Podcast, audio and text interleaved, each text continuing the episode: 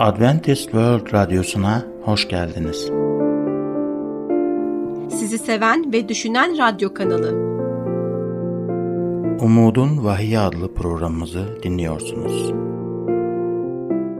Bugünkü programımızda yer vereceğimiz konular ruhçuluğun savaşları ve hemoroid. Merhaba değerli dinleyicilerimiz. Bugünkü konumuzun adı ruhçuluğun sonuçları. Ruhçuluğun sonuçlarına baktığımızda Tanrı'nın onu neden yasakladığını rahatça anlayabiliriz. Ruh Montgomery, A Search for Truth, A Spirit Medium adlı kitabındaki Şüphelerin İkilemi başlıklı bölümün tamamını şu kafa karıştırıcı soruya ayırmıştı. Diğer tarafta iletişim kurduğumuz ruhlar aslında ölen sevdiklerimizin ruhları ise o zaman tüm bu yalanlar, nefret, kabalık, ahlaksızlık ve bunca zalimlik neden ruhçuluğun içinde? Gerçekten sevdiklerimizin ruhları ise bunca yalan nereden geliyor? Devam etmeden önce bu konuyla ilgili herhangi bir sorunuz olursa diye WhatsApp numaramız olan 357 99 786 706'yı sizlere hatırlatmak istiyorum. Bete Edi en çok satan kitabı Işığı Kucaklamakta, ruhunun onu nasıl bir hastane yatağına bırakıp cennete gittiğini anlatıyor. Ve bu kitabında melekler eşliğindeki cennet turundan bahsediyor. Bu turdayken bir grup meleksi varlık tarafından düzenlenen bir kutlama partisinin onur konuğu olmuştu. Sonrasında İsa olduğunu bildiği parlak bir sevgi ve ışık varlığı ile karşılaştı. Bu varlık ona, ölümün için çok erken, senin zamanın henüz dolmadı demişti. Sonrasında ise dünyaya yollanmıştı. Peki Tanrı gerçekten onu yanlışlıkla cennete alıp, sonra da bir hata yaptığını fark edip dünyaya geri mi göndermişti? Hayır, bu tabii ki de doğru olamaz.'' J.Z. Knight, A State of Mind, My Story adlı kitabında 3500 yıl önce ölen bir savaşçı olan Ramta'nın ruhu ile sözde bir konuşmasından bahsediyordu. Ben aydınlanmış olan Ramta, Tanrı olduğumu biliyorum ve sen kendinin Tanrı olduğunu bilmiyorsun. Ben ise senin bildiğini biliyorum. J.Z. Knight aynı kitapta Ramta'ya marketten bir şeyler alacağım diyor. Ramta ise market nedir diye soruyor. Evet şimdi bu kitapta Ramta'nın güya Tanrı olduğu ve kendisiyle konuşan kadının bildiği her şeyi bildiğini iddia ediyor. Fakat aynı Tanrı marketin ne olduğunu bilmiyor. Çok ilginç bir Tanrı olsa gerek bu. Eğer bu ruhlar dünyadan ayrılmış olan sevdiklerimizin ruhlarıysa neden bunca yalan var? Neden bunca zalimlik var? En son dersimizde Tanrı'nın aranızda oğlunu ya da kızını ateşte kurban eden falcı, büyücü, muskacı, medyum, ruh çağıran ya da ölülerin ruhlarına danışan kimse olmasın diyerek bizleri uyardığını okumuştuk. Eşim ve ben müjdeye dayalı bir film izleme şansımız olmuştu. Bu filmde büyüyle ilgilenmiş olan iki kadın vardı. Ve Tanrı'ya şükürler olsun ki Rab onları kurtarmıştı. Bu filmde iki genç bayan kendileri ve arkadaşlarıyla birlikte çıplak bir şekilde büyük bir halkanın içinde el ele tutuşup yaşayan Tanrı'nın ruhu bende vücut bul diye şarkı söylediklerini anlatıyorlardı. Eğer bugün insanların bu konuştukları ruhlar dünyadan göçmüş olan sevdiklerimizin ruhlarıysa neden bunca ahlaksızlık var? Bu iki genç bayandan birisi de 18 aylık bebeğini yaşayan bir kurban olarak ateşe attığında hissettiği sıcak, sevgi, neşe ve mutlulukla dolu hisleri anlatıyordu. Ve bu bayanın arkadaşı olan diğer bayan da bu sahneye tanıklık ederken aklından geçen tek şeyin kendisinin de böyle kurban edilebilmek için bir bebeği olmasını, o anda ne kadar çok istediğinden bahsediyordu. Ve bu bayanın arkadaşı olan diğer bayan da bu sahneye tanıklık ederken aklından geçen tek şeyin kendisinin de böyle kurban edebilmek için bir bebeği olmasını o anda ne kadar istediği olduğundan bahsediyordu. Bu sözler söylenemeyecek kadar ürkütücüdür değil mi? Fakat evet, bu sözlerin konuşulması gerekiyor. Çünkü ancak böyle insanlar ruhçuluğun tehlikelerini görebilirler. Ruhçuluğun bittiği yer burasıdır. Eğer bu konuşulan ruhlar ölen sevdiklerinin ruhlarıysa bunca zalimlik nereden geliyor? Bizlere görünen ruhlar arasında ayrım yapmamanın sonuçları sizin de gördüğünüz gibi acı verici bir şekilde açıktır. David Koresh 1993 yılında Texas Waco'da 86 kişiyi ateşli bir ölüme götürmüştü. Marshall Applewhite, Hale Bob isimli bir kuyruklu yıldızın kuyruğunda bir uzay gemisine bineceklerini söyleyerek 39 kişiyi zehir içmeleri için ikna etmişti. Guyana Johnstown'da James Jones müritlerine aynı zehirli çanaktan içmelerini söylediğinde 900 kişinin ölümüne sebep olmuştu. Bir insan böyle bir yozlaşma noktasına nasıl ulaşabilir ki? Bunun cevabını bizlere Yaşaya versin. Yaşaya 9, 15 ve 16. ayetler. Baş ileri gelen saygın kişi. Kuyruksa baş ileri gelen saygın kişi, kuyruksa öğretisi sahte olan peygamberdir. Çünkü bu halkı saptıranlar ona yol gösterenlerdir. Onları izleyenler de yem oluyor. Bu insanların hatası Tanrı'yı takip etmek yerine insanları takip etmeyi seçmeleridir. Peki bu seçimlerinin sonucu neydi? Yaşaya 9 20. ayet. İnsanlar şurada burada bulduklarını yiyecekler. Ama aç kalacak, doymayacaklar. Herkes çocuğunun etini yiyecek. Archie James siyah bir Metodist ailede doğmuştu. Daha sonrasında Metodist kilisesini terk etti. Tanrı'nın Kilisesi isimli kiliseye katıldı. Kutsal Kitap Okulu'na gitti ve bir pastör oldu. Birkaç yıl sonra Indianapolis, Indiana'da Halkın Tapınağı isimli gruba katıldı. Çünkü bu grup onu eşit bir insan olarak kabul etmişti. Genç bir çelik işçisinin karısı olan Christian Kopp da sıcak ve dostane bir atmosfere sahip bir kilise aradığı için mahallesindeki Baptist kilisesini terk etmişti. 32 yaşında bir avukat olan Rose Case de toplumdaki sivil haklara olan katkılarından dolayı bu gruptan etkilenip onlara katılmıştı. Loretta Stewart ise 16 yaşında bir kızdı ve yolda giderken Halkın Tapınağı grubunun toplandığı yerde durduğunda orada duyduğu neşeli seslerden büyülenmişti. O da bu sebeple katılmak istemişti. Halkın Tapınağı sıcak ve rahat bir kiliseydi. İnsanlar dost canlısı ve anlayışlıydı. Sözde ibadetten fazlasını sunan bir kiliseydi. Kendilerini toplumu daha iyi bir yer haline getirmeye adamışlardı. Pastörleri genç, dinamik ve güçlü bir liderdi. Acı çeken insanlara değer veriyorlardı. Şanssız bir şekilde dünyaya gelmiş olan insanlara değer veriyorlardı. Etnik grupları önemsiyorlardı insan haklarının savunucusuydular. Hatta insanlara değer verdiğinin bir kanıtı olsun diye azınlıktan olan iki bebeği evlat edinmişti. Dönemin başkanı olan Rich Nixon ve FBI direktörü J. Edgar Hoover Ronald Reagan'dan övgü mektupları almıştı. Gazeteci Jack Anderson ve Drew Person gibi pek çok kişinin dikkatini çekmişti. Indianapolis Belediye Başkanı onu şehrin halkla ilişkiler müdürü olarak göreve getirdi. Halkının gurur duyduğu bir liderdi ve kiliseleri olan halkın tapınağı pastörlerini oldukça seviyorlardı. Pastörleri olan Reverend James Joyce'ı Guyana'daki 919 sıkı takipçisinin kendi hayatlarına son verdikleri James Stone'a kadar takip etmişlerdi. Şimdi anlamanızı istediğim şey Archie James Christine Kopp, Laura Stewart ve diğerlerinin bir grup toplumdan dışlanmış insan olmadıklarıdır.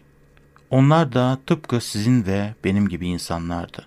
Önceden onlar da temel bir protestan mezhebi olan İsa'nın öğrencilerine aittiler. Onların tuhaf ve sıra dışı insanları olduklarını düşünmek, onların yaptıklarının başka kimsenin yapamayacağı şeyler olduğunu düşünmek kolaydır. Fakat işin aslında onlar da bizim gibi insanlardı. Onların yaptıkları hata, Tanrı sözü yerine bir insanı takip etmeyi seçmeleriydi. Bir şeylerin yanlış olduklarını fark ettiği zamanlarda oldu. James Joyce, kutsal kitaba karşı olan şeyler söylediği ve yaptığı zamanlarda ona bunları sordular. Fakat aldıkları cevap, bunlar doktrinler. Fakat en önemli olan şey sevgidir. Birbirimizi sevmeli ve birbirimize karşı nazik olmalıyız. Doktrinin sevginin önünde durmasına asla izin vermemeliyiz de. Asıl korkutucu olan şey günümüzde insanların aynı hatayı yapmaya devam etmeleridir. Bir keresinde programımıza katılan ve İsa'yı kabul etmiş olan genç bir bayanı hatırlıyorum. Bu bayan, işinin İsa'nın takipçisi olmakla çelişen şeyler yapmasına neden olduğunu fark etmişti. Sonrasında bana ne yapmam gerekiyor diye sordu. Ben, kutsal kitap ne yapmanı istiyor? Kutsal kitap böyle şeyleri artık yapmaman gerektiğini söylüyor. Öyleyse böyle yap. Kutsal kitabın söylediği şeyi yap. Kutsal kitabın ne dediğini bildiğin halde bana sorma. Bu beni Tanrı'nın sözünün önüne koymak olur. Kutsal kitap sana, Tanrı'nın senin için istediğini açıkça söylerken, gidip de başka bir insana ne yapman gerektiğini sorma diyerek onu yanıtladım. Bazı insanlar vahiy şimdi dinliyor ve kutsal kitapta anlatılmakta olan ama o güne kadar farklı bir şekilde inanmış oldukları bazı şeyleri duyuyorlar. Bir gün bir başka bayan bana gelip şöyle demişti. Biliyor musun, pastörüm söylediklerinin doğru olduğunu ve senin haklı olduğunu söyledi. Ve ben de ona, peki neden o zaman bunu yapmıyoruz dedim. O da bana, işte biliyorsun. Çünkü pek de o kadar önemli değiller dedi. Arkadaşlar, bir kez daha söylüyorum. Beni, bir başka pastörü, öğretmenleri, müjdecileri takip ettiğinizde güvende değiliz demektir. Benim sözümün sizler için bir önemi olmamalı. Hiçbir şey için benim sözüme bel bağlamamalısınız. Dersimizin bir yazılı kopyasını çıkarttırın ve beni Tanrı sözüyle kontrol edin. Ben kendi inancımı kutsal kitabın asit testinin önüne koymaktan korkmuyorum ve siz de korkmamalısınız. Kutsal kitap bizim tek standardımızdır. Kutsal kitap kıyasımızın kaynağıdır. Sahte bir peygamberi takip edip etmediğimizi bilmenin tek yolu onun mesajını Tanrı sözüyle test etmektir. Devam etmeden önce herhangi bir sorunuz olursa diye WhatsApp numaramız olan 357 99 786 106'yı sizlere hatırlatmak istiyorum. İkinci konumuz Tanrı tarafından planlanan ruh komünyonu. Bugün Tanrı'nın bizler için planladığı ruh birlikteliğine ve ruhsal alemler arasındaki kozmik ölçekli bu büyük çatışmadan nasıl başarılı bir şekilde çıkabileceğimizden bahsetmek istiyorum. Paulus şöyle yazmıştı. Bütün melekler kurtuluşu miras alacaklara hizmet etmek için gönderilen görevli ruhlar değil midir? İbraniler 1 14. ayet. Onları size hizmet etmek, yardımcı olmak ve korumak için gönderirler. Ve bu ruhlar ölmüş insanların ruhları değildirler. Çünkü biliyorsunuz ki onlar dirilişe kadar derin bir uykudadırlar. Bir akşam bu mesajı anlattıktan hemen sonra bir bayan yanıma geldi. Ve pastör, ben Christian Cobb'un kuzeniyim. Johnstown'a kuzenimle gitmememin tek nedeni, büyük annemin bana kutsal ruhun gitmemem için beni uyarsın diye ona bir ilham verdiğini söylemesiydi. Reverend James Joyce hakkında dua ettikçe bu adamı daha da sevmeye başlıyordum. Evet, bizler için dua eden büyük annelerimiz ve Tanrı'nın yardımcı ruhlarına binlerce kez şükürler olsun. Kutsal kitap zamanlarında birçok insan melekleri gördüler. İnanıyorum ki bizler o kadar acele ve telaşla yaşıyoruz ki Tanrı'nın ruhu hakkında düşünmeye hiç zaman ayıramıyoruz. Fakat eğer zaman ayırıp düşünürsek, kutsal kitap devirlerinde olduğu gibi biz de birçok böylesi deneyimler yaşayabiliriz. Melekler ne kadar heyecan verici olsalar da, Tanrı'nın sizler için saklamakta olduğu daha da büyük bir şeyinin olduğuna inanıyorum. İsa, size gerçeği söylüyorum. Benim gidişim sizin yararınızadır. Gitmezsem yardımcı size gelmez. Ama gidersem onu size gönderirim demişti. Yuhanna 16, 7. ayet. Bu sözler kulağa gerçeklerden daha farklı şeylermiş gibi geliyorlar. İsa giderse bunun bizim için daha iyi olacağını söylüyor. Fakat bugün bu dünyada İsa Mesih'e sahip olmaktan daha güzel ne olabilir ki? İsa burada şu an bu şehirde bizlerle konuşmakta olsaydı ne kadar güzel olurdu değil mi? İsa burada şu an bu şehirde bizlerle konuşmakta olsaydı ne kadar güzel olurdu değil mi? Şehrinizdeki en büyük stadyumun tamamı dolardı kesinlikle. Şehrinizdeki en büyük stadyumun tamamı dolardı kesinlikle. Onu görmek için giderdiniz ve belki de sadece hayatınızda bir kez bile olsa onun ayaklarının dibinde oturup onu öğretirken dinlerdiniz ve ona sorular sorardınız. Bundan daha mükemmel ne olabilirdi değil mi? Fakat İsa bizlere dedi ki, giderse ve bizler için kendisinin yerine bizimle birebir beraber olması için kutsal ruhu gönderirse daha iyi olacak. İsa böyle dedi. Eğer İsa'nın yerine kutsal ruha sahip olmamız bizler için daha iyi ise, Tanrı'nın kutsal ruhunun sahip olmamızı istediği faydaları anlamaya, kavramaya ve deneyimlemeye başladığımızı sanıyorum. Tanrı'nın gerçekten yapmak istediği şeyle karşılaştırıldığında henüz hiçbir şey görmemiş sayılırız. Bu yüzden kutsal kitabımda bugün hayatlarımızda Tanrı'nın kutsal ruhunun varlığıyla deneyimleyebileceğimiz, sizlerle paylaşmak istediğim birkaç şeyi işaretledim. Bu paylaşmak istediğim şeylerden ilki aynı bölümün 13. ayetinde bulunuyor. Yani Yuhanna 16-13'te. O yani gerçeğin ruhu gelince gelecekte olanları sizlere bildirecek. Bizler geleceği kutsal ruh bizlere Tanrı'nın sözü aracılığıyla açtıkça bileceğiz.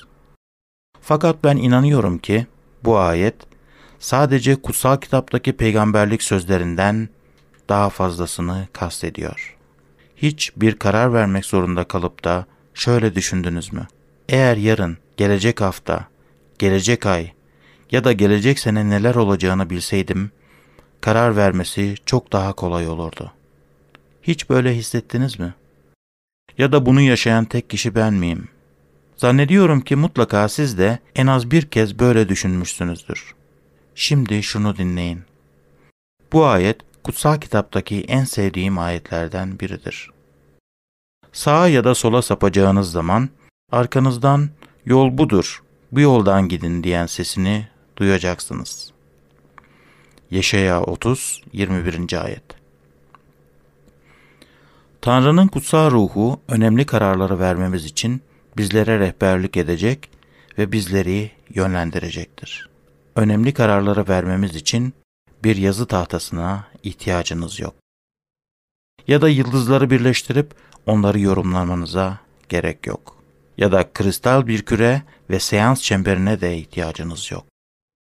Tek ihtiyacınız olan şey Tanrı'nın kutsal ruhudur.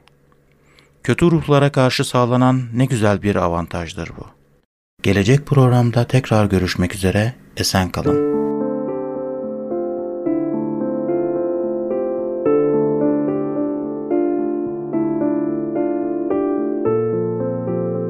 Merhaba değerli dinleyicilerimiz. Programımıza hoş geldiniz. Bugünkü sağlık konumuz hemoroid. Evet, pek çok insan doktora gitmekten hoşlanmaz. Bu da doktora gitmeyi son ana kadar beklemelerine ve ertelemelerine neden olur. Ve hatta bazen ciddi bir sağlık sorununa müdahale için gerekli olan çok değerli olan zamanı kaybederler. Doktora gitmeyi hali hazırda zaten sevmeyen kişilerin doktora gitmekten kaçınma ve doktora gitmeyi erteleme eğilimleri eğer rahatsızlık vücudun genellikle üzerine pek konuşulmayan bölgelerinde olursa daha fazladır. Doktorların bazen hastalarından duydukları bir soruya dayanarak böyle bir durumu tartışacağız. 4 yıl önce bebeklerim doğduğundan beri hemoroidle başım dertte. Son birkaç ayda bir kanama olduğunu fark ettim. Sizce kontrole gitmem gerekiyor mu? Evet, konumuza devam etmeden önce konumuza dair herhangi bir sorunuz olursa diye WhatsApp numaramız olan artı 357 99 786 706'yı hatırlatmak istiyorum. Bugünkü programımızda kamuoyunda nadiren dile getirilen ancak sık görülen sağlık sorunundan bahsedeceğiz. Hemoroidler sfinkterden şişerek ağrıya, kaşıntıya, kanamaya ve hatta anemiye neden olabilen anal mukozanın altında bulunan varisli damarlardır. Sahip olduğunuz tek sağlık sorunu hemoroid ise birkaç seçeneğiniz vardır. Hemoroidlerin tahrişini ve acısını hafifletecek çeşitli kremler mevcuttur. Elastik bağların yerleştirilmesinden diseksiyona kadar çeşitli türlerde ameliyatları vardır. Hemoroidde çoğu zaman sorun kabızlıktır. Ancak kabızlığın nedenini belirlemek çok kolay değildir. Kabızlığın olası nedenlerinde yediğimiz şeylerin fazlasıyla rafine edilmelerinden dolayı gıdalarda oluşan diyet lifi eksikliğidir.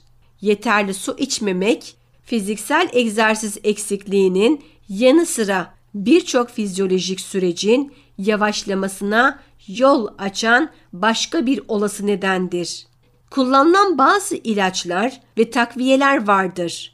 Bu ilaç ve takviyelerin arasında gıda takviyesi olarak kalsiyum ve demir, ilaç olaraksa kodein gibi bazı ağrı kesiciler kabızlığa neden olabilirler. Sonuç olarak kabızlık için dört kolay kontrol önlemi vardır. İlk olarak diyet lifi alımını bilinçli olarak arttırın. Diyet lifi alımı kepekli tahıllar, meyve ve sebzeler, baklagiller tüketilerek kolayca arttırılabilir.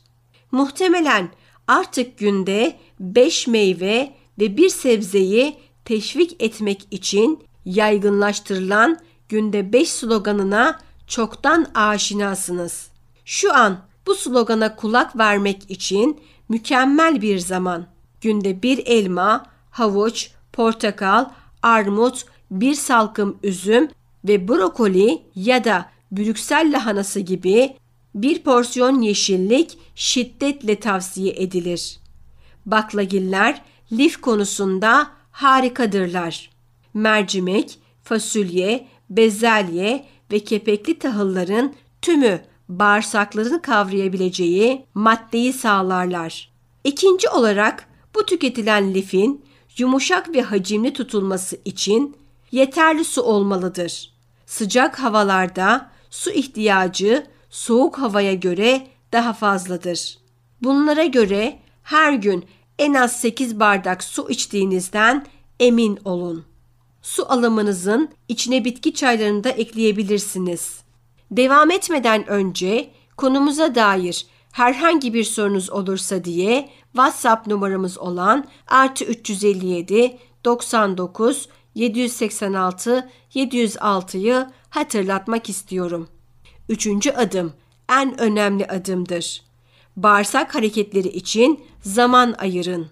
Çoğumuz o kadar aceleci ve zaman baskısı altındayızdır ki vücudumuzun temel işlevlerini ihmal ederiz.